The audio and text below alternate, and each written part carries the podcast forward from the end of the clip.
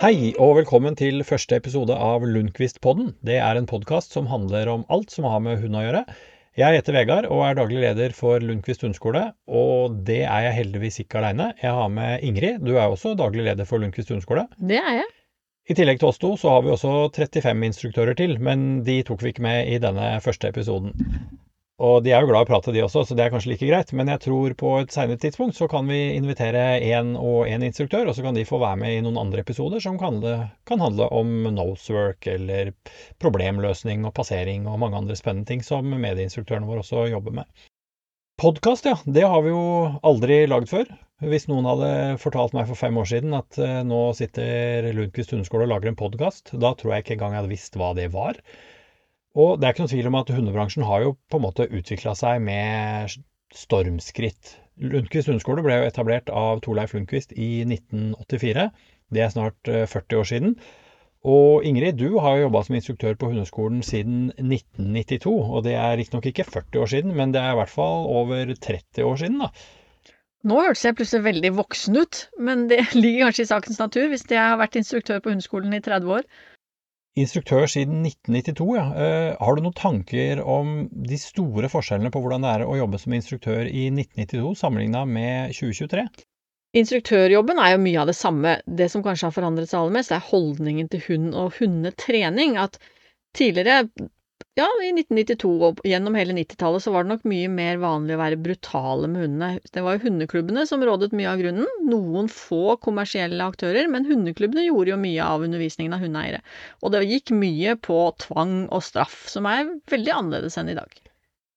Ja, og det betyr vel kanskje også at Lundqvist hundeskole var veldig aleine om en litt sånn ny og annerledes måte å trene hund på, eller var det flere aktører også som, eh, som på en måte tenkte litt annerledes enn det som var mainstream, da, for å snakke nynorsk? Vi var i hvert fall tidlig ute. Jeg husker Torleif Lundqvist på den tiden brukte godt over en time på, hund, på å overbevise hundeeierne om at det går fint å belønne fram atferd. Det går til og med an å bruke en godbit i ny og ne, uten at det fører til at hunden bare får respekt for godbiten.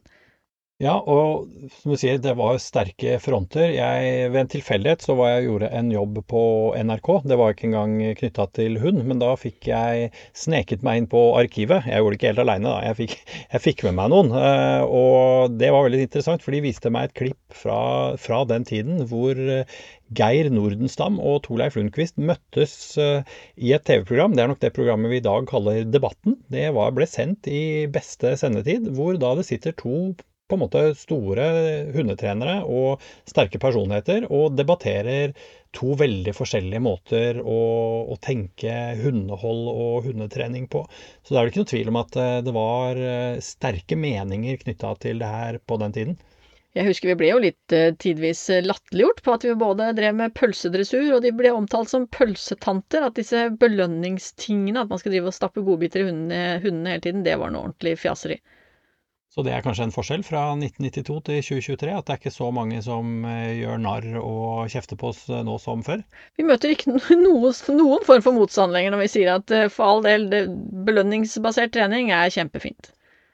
Men som vi nevnte i stad, vi var jo liksom på godt og vondt ganske aleine. Men jeg vet jo også, selv om jeg ikke jobba som instruktør i 1992, i hvert fall ikke på hundeskolen, så var det jo ikke sånn at vi holdt på med det her helt ensomt. Det var noen andre. Jeg vet at Anders Hallgren i Sverige var jo en pioner innenfor det man kaller belønningsbasert hundetrening. I Norge så hadde vi også andre, bl.a. også Turi Rugås. Og, og, flere andre da, som kanskje representerte andre måter å trene hund på. Og Turi Rugås eh, er jo kjent for mange for et fantastisk arbeid som hun gjorde med hundespråk, som nærmest ble en sånn trend utover 90-tallet. Fordi jeg tenker jo at uh, man visste jo at både hunder og ulver brukte kroppsspråk for å snakke med hverandre, men det kom så mye mer kunnskap om det utover 90-tallet. Og jeg syns at Turi Rugas faktisk skal ha mye av æren for, for det som ble gjort der. Og vi lærte mye nytt. Vi begynte å se nye signaler. En del signaler ble satt i, i et uh, nytt lys. Uh, og det var en veldig spennende periode da, hvor man på en måte får påfyll av at man ikke bare jobber belønningsbasert, men at man også begynner å se på språk og atferd som et uh, interessant tema, og man oppdager nye ting. Jeg husker vi fikk et videokamera av Torleif Lundqvist til jul, eh, hvor han sier at dere er jo så engasjert i denne hundetreningen, kan vi ikke også begynne å filme hunder? Og det gjorde vi. Vi filma hunder, og vi fikk de opp på, ved hjelp av projektoren opp på storskjermer, og fikk sett liksom bare wow. For et språk disse hundene har. De snakker sammen, og de snakker også veldig mye med oss. Og dette husker jo jeg veldig godt også. Jeg følte meg litt som en sånn eh, fersking og amatør i stad når vi sa at du har vært instruktør siden 1992, og det har jo ikke jeg. Men dette arbeidet som kom utover 90-tallet med hundespråk, det husker jeg godt. fordi her har jeg altså vært eh, veldig engasjert. Og det var jo eh, på mange måter kanskje det som engasjerte meg aller, aller mest på hundeskolen eh, den gangen, da vi begynte å holde disse språkseminarene på siste halvdel av 90-tallet. Og det er vel kanskje også det som engasjerer meg aller mest også i 2023. Eh, ja, og da traff jo en, et annet navn. Vi traff Runar Næss. Ja, Runar har jo jobba masse med ulver, og kom på en måte da med en et litt annet perspektiv inn i dette med språk og atferd som passa midt i smørøyet når vi drev og jobba med disse språkseminarene. Uh, Runar kom inn på det, hadde mye å bidra med. Han hadde også mye film og bilder av ulv. og Vi blanda dette litt sammen, og vi, jobbet, vi hadde et fantastisk samarbeid og en tid som uh, ja, jeg tenker jeg skulle gjerne reist tilbake dit og gjort det en gang til. Fordi det var veldig sånn nybrottsarbeid hvor man blanda sammen den nye kunnskapen om dempende signaler og språk sammen med en god del atferdskunnskap som Runar eh, bidro med på, på, ulv. Og så lagde vi ting som var uh, utrolig gøy å, å holde på med da. Ja, da kunne vi brukte, plutselig bruke ulven som rollemodell, og ikke bare snakke om se hvordan eh, ulvene herser med hverandre, og hvordan de dominerer hverandre, og sånn må vi også dominere hundene våre. Vi fikk på en måte en litt annen innfallsvinkel til å bruke hunden som eksempel for hvordan hundene kommuniserer. Ja, og Runar tok oss jo med over til Kolmården dyrepark i Sverige, hvor de eh, hadde sosialiserte ulver. Og vi eh, reiste vel fort dit Jeg husker første gangen vi reiste dit. Og vi fant jo ut at da hadde vi vel med instruktørskolen, tror jeg. Eh, først en gjeng med instruktører, og så instruktørskolen. Og vi fant bare dette. Altså, én ting er å snakke om språk, vise bilder, slippe under, se film, blande det med ulvekunnskap, og så toppe det faktisk med å reise til et sted hvor man kunne gå inn og besøke ulver som er så språksterke, og som brukte masse energi på å prate med hverandre. Eh, og ikke minst så brukte de en del energi på å prate med oss. Og ikke at Ulver prater jo ikke så veldig annerledes med hverandre egentlig enn det hunder gjør, men det var så utrolig tydelig. Ulver gjør på mange måter liksom i større grad én ting av gangen. Og når de først gjør noe, så gjør de det sånn at det er veldig veldig lett å se. Og det var, ja, det var fantastiske opplevelser som vi hadde mange mange år i Kolmorden. Eh, både sammen med instruktørskolen og andre, kall det hundenerder, og ikke minst eh, Runar, da. Er det noe vi koser oss med, så er det å ta fram gammelt videomateriale både av mange mennesker som det har vært hyggelig å ha med seg over, men det å se disse ulvene igjen i flere generasjoner, og hvordan de oppfører seg overfor hverandre, og hvordan de oppfører seg overfor oss, fantastisk spennende. Ellers så dukka det opp andre ting på 90-tallet også. Nå har vi snakka om språk og atferd og ulver og sånn, men jeg vet jo at eh, læringsteorien og, og, måter å trene hund på fikk jo på en måte også et nytt begrep eh, sånn på slutten av 90-tallet, selv om det kom jo tidligere. Men i hvert fall i Norge for alvor så dukka jo klikkertrening opp. Og kanskje i veldig stor grad så var det jo Kanis hundeskole, eh, Morten Egdvedt og Cecilie Køste, som sto i bresjen for eh, om ikke nødvendigvis en ny måte å trene hund på, men i hvert fall et nytt begrep som var litt ukjent for oss. Ja, de satte det jo i en, en skikkelig sammenheng, eh, og fikk liksom et navn på det, og fikk pakka det inn til en hel pakke. Vi hadde jo drevet mye med momenttrening og sekundærforsterking og belønning, og, og, gjort mange av de samme tingene, men vi hadde på en måte ikke det begrepsapparatet og den, hele den pakka som de klarte å lage. Vi var kanskje, ja, som du sa, vi tenkte kanskje at hva er det som er nytt her? Eh, og tok det kanskje ikke så høytidelig, men vi ser jo i dag, f.eks. på vår online instruktørutdannelse, at kunnskap om eh, klikketrening er jo kjempeviktig. Og vi kan jo mye mer om det i dag enn vi kunne i f.eks. i 1999. Og det er nok takket være bl.a. Eh, det som har blitt gjort i regi av Kanis. Du sa jo det i stad at du hadde ikke vært instruktør like lenge som meg. Eh, du dukket jo opp på kurs med meg som instruktør. Altså du fikk meg som instruktør på et grunnkurs. Du hadde med deg en ung border collie tispe. Og jeg ropte da opp, jeg husker det, vi sto nede i hallen på Hellerudsletta, jeg ropte opp eh, Vegard Øksnevald, skulle være på min gruppe. Og da starta du på Lundqvist hundeskole. Ja, og jeg tror jeg ble jo bitt like mye av basillen som deg, så det tok jo ikke så lang tid før jeg bare var der hele tiden. Og så kom Torleif Lundqvist og klappa meg på skulderen og lurte på om skal ikke det var, det, Sånn var det den gangen. Da var det jo en instruktørskole, eh, og jeg begynte der og gikk der ganske lenge før jeg egentlig bare plutselig begynte å holde kurs. Men eh, det var vel også sånn at eh, ja, fra en lang historie kort, så begynte jeg på grunnkurs i 1995 sammen med deg, og i 1999 så gifta vi oss. Ja, det gjorde vi, ja. Men jeg husker jo det allerede, i hvert fall i slutten av 1995 eller begynnelsen av 1996, så begynte jo jeg å time det sånn at jeg kunne plukke opp deg, så du kunne sitte på med meg de siste 100 meterne inn på kursplassen. Ja, og det var jo veldig hyggelig, men jeg tenker jo også at det var ganske uprofesjonelt. da, For det er jo egentlig kanskje det man kaller å, å elge seg inn på kursdeltakerne sine. Og i 2023 så ville jo det fort kunne blitt eh, ansett som veldig upassende, tenker jeg. Ja, men nå er det vel sånn at vi har sølvbryllup og har vært gift i 25 år snart, så det gikk jo ganske bra. Ja, det har gått ganske bra, og jeg føler meg ikke så krenka. Så du er tilgitt for eh, den uprofesjonaliteten der. Og jeg tenker vel også i 1997 så slutta vel du i den jobben som du hadde som typograf? Ja, det gjorde jeg. Da jobba jeg som typograf på dagtid, og så jobba jeg på hundekurs og på kveldstid og ettermiddager og helger og alt det som var av ledig tid. Og på et eller annet tidspunkt så fant jeg ut at det, jeg har ikke tid til den der vanlige jobben, så da sa jeg opp den, og så begynte jeg å jobbe hund på fulltid. Ja, og da, jeg vet jo, da jobba du jo bl.a. med å få litt skikk på administrasjonen. For vi kan si veldig mye pent om Torleif Lundqvist, men å administrere en eh, sånn hundeskole med masse telefonnummer og påmeldinger, og ikke minst en virksomhet som var i stor vekst, det var nok ikke hans sterke side. Mens når du kom innpå da og lagde telefonnummer og telefontider og e-postadresser, eller Telefax, tror jeg faktisk vi opererte med den gangen, så førte jo det egentlig bare til at etterspørselen ble enda mye større når du i gåseøynene begynte å rydde opp.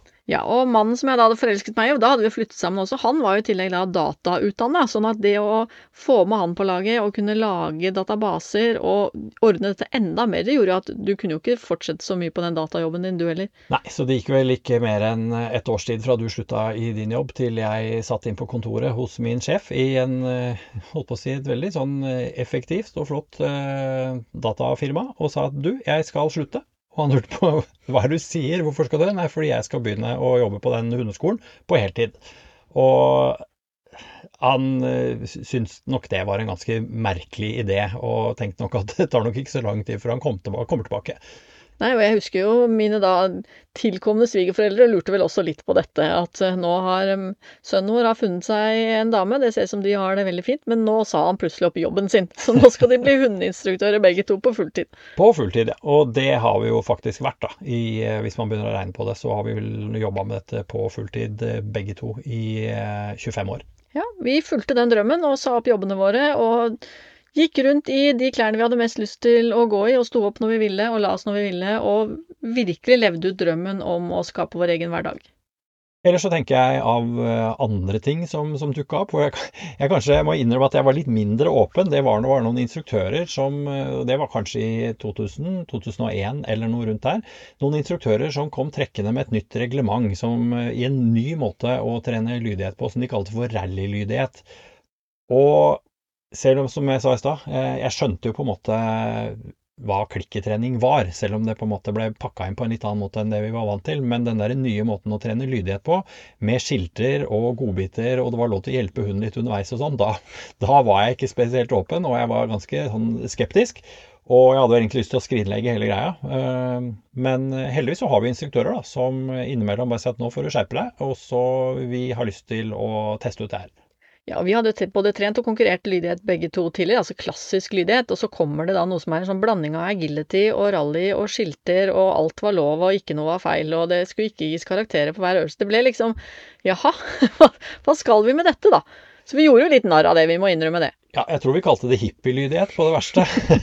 For vi ser jo at i dag så holder vi faktisk flere rallylydighetskurs enn det vi holder av vanlige lydighetskurs. Så, så, heldigvis så er det jo noen ting som, som, dukker opp, og som har livets rett, og som bare fortsetter. Og så er det helt sikkert en hel haug med ting som dukka opp både på 90-tallet og på 2000-tallet, som popper opp og som forsvinner. En annen ting som skjedde på den tiden der, rundt eh, ja, kanskje første halvdel av 2000, det var Jeg kaller det ofte for kunnskapsrevolusjonen. Ja. At vi fikk tilgang til internett, selv om internett er jo for så vidt ikke noen ny teknologi. Det er jo ikke bruk av eh, en betinga forsterker heller, det er ikke akkurat nytt. Men vi begynte å bruke internett på en annen måte utover de årene der. Eh, både vi som trener hund, og alle andre. Og vi fikk plutselig tilgang til informasjon på en helt annen måte. Vi fikk tilgang til mye, mye mer forskning. Vi fikk kontakt med hundetrenere fra hele verden. Man kunne sende e-poster og vise hverandre ting og, og, diskutere ting på sånne nettfora og, og sånn. Og det er ikke noe tvil om at eh, vi lærte mye av å kunne få et mye mye bredere kontaktnett enn det vi hadde hatt eh, fram til da, hvor man kanskje i stor grad snakka litt med hverandre, og til nøds med noen i Sverige. Ja, og de vi, de vi jobber med i hverdagen vår, er jo vanlige hundeeiere. Det er de som har kjøpt seg en hund for å få en turkamerat eller en bestevenn, og som ikke er så, kanskje ikke har forberedt seg så grundig på hva skal jeg gjøre med denne hunden nå. Og det at man nå er et par tastetrykk unna på å kunne lære seg all verdens ting via filmer og online-materiale, er jo helt fantastisk. Ja, Vi snakka om åpenhet i stad, og vi er tilbake der hvor Nå har vi kommet enda litt lenger, det må ha vært i 2012 eller noe rundt der. Så hadde nok en gang noen instruktører som inviterte meg med på et foredrag som skulle holdes ute på NMBU. Det, jeg sliter frem Jeg husker jo at det het landbruk, Landbrukshøgskolen i Ås. Jeg kunne ikke bare het det, for det var mye lettere å huske. Eh, men NMBU står for Norges miljø- og biovitenskapelige universitet. Eller noe sånt. Det ble sikkert feil, men eh, det var ikke så langt unna, i hvert fall.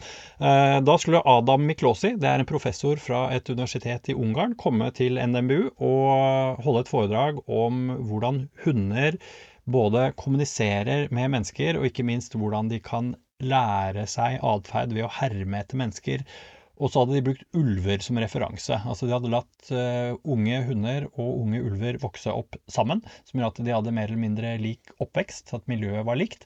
Men allikevel så så de en god del forskjeller på ulv og hund uh, eh, knytta til særlig relasjon til mennesker og hvordan de kommuniserte med mennesker. Og jeg må bare innrømme at jeg hadde ikke hørt om Adam Miklosi, og jeg hadde sikkert veldig mye annet viktig å gjøre, i hvert fall de dagene der, så jeg sa nei takk, dette gidder jeg ikke å være med på. Og ja, det var omtrent eh, samme stilen som disse rallylydighetsinstruktørene, hvor bare noen tar meg i øra og sier at nå må du ta deg sammen, nå skal vi til oss.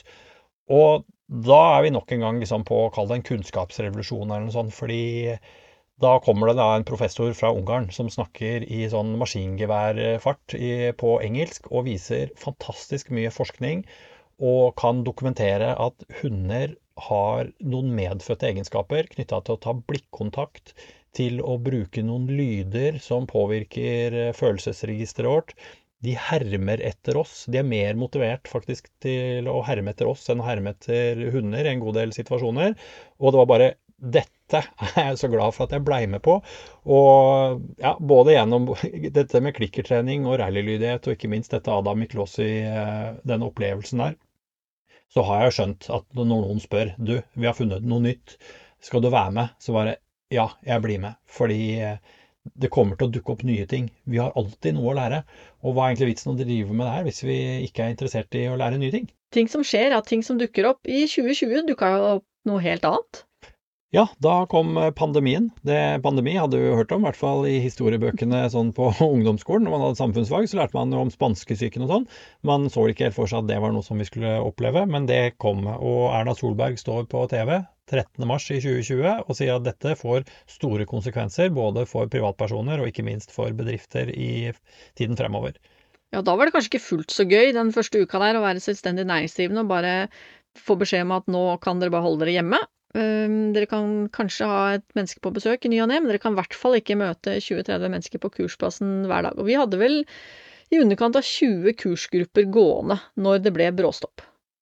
Ja, og det var jo Jeg holdt på å si noen kursgrupper er det ikke så kritisk å stoppe. da. Hvis det er et agility-kurs eller et rallylydighetskurs eller noe sånt, så går det an å si beklager, men nå kan vi ikke ha kurs. Vi bare plukker opp tråden igjen når dette er over. Mens f.eks. et valpekurs tenker vi at det er kritisk. At man vil jo ikke stoppe midt i et kurs hvor man jobber med valper, som er midt i sosialiseringsperioden sin. Eh, og ikke minst så hadde vi også noen som gikk på instruktørskolen vår, som vi den gangen kalte modul 1, 2 og 3, som er tre moduler som går over et halvt år hver. Og vi visste jo at de som da gikk på modul 1, som i dag vi kaller for hundetrener, de skulle jo i gang med atferdskonsulent på høsten. Og vi kunne ikke bare stoppe. Og da var det jo online-kurs som dukka opp eh, for alvor. Ja, og mange har jo spurt oss i, i, i, mange år før denne pandemien kan dere ikke holde denne instruktørutdannelsen online. Hvor vi bare jo, det hadde sikkert vært fint, men A, vi aner ikke hvordan vi skal gjøre det, og B, vi har i hvert fall ikke tid til det. Men det fikk vi jo plutselig, da, når alt stoppet opp. Ja, Så da får vi både tid og veldig høy motivasjon til å faktisk hive oss rundt og finne ut av disse digitale tingene. På lik linje med veldig mange andre bedrifter i Norge som måtte finne nye løsninger og lære seg nye ting. Så da ble det nettmøter i Zoom. Det var vel nytt for både oss og veldig mange av de som gikk på instruktørutdannelsen vår. I tillegg så var det jo, lagde vi mye instruksjonsvideoer og begynte å bygge undervisning på en helt annen måte. Og det er jo også ganske sunt, fordi det kom mye læring ut av det når man skal formidle det man har pleid å formidle i en helt annen kanal. Sånn som vi egentlig gjør akkurat nå. Da. Det, det å lage podkast er også en annen variant, og det er lærerikt for oss som driver med formidling. Vi driver jo og formidler kunnskap både til hundeeiere og vi formidler til hunder. Så jeg tenker at det blir utfordra på på formidlingsevnen sin. Det er jo alltid godt. Og det kommer jo mye bra ut av altså For vår del så kom det mye bra ut av pandemien. Ja, fordi vi måtte snu om. Vi fikk frigjort tid, vi fikk gjort ting annerledes. Vi kunne starte med blanke ark uten å bli forstyrra av noe som helst, og fikk bygget opp veldig mye av det som vi hadde gjort mange ganger, helt på nytt. Så i 2021 så ble det jo sånn at eh, da omdøpte vi jo disse modulene. Da ble det hetende online hundetrener. Og så hadde vi også en gjeng som gikk på oppmøte hundetrener. Så oppmøte var kanskje nesten et mer nytt ord enn online-kurs. Vi hadde noen som faktisk fikk lov til å møte opp på kursplassen og gå hundetrenermodulen, mens noen gikk den online. Og de bodde jo i alt fra ja, det var faktisk en som var med fra Sveits, som studerte psykologi i Sveits. Og så var det noen fra Bergen og Kristiansand og Trondheim og Tromsø og egentlig overalt.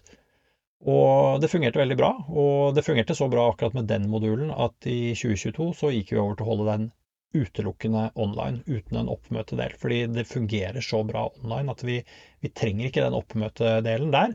Mens på atferdskonsulent og instruktør, der kan man velge. Der kan man gå enten online eller oppmøte.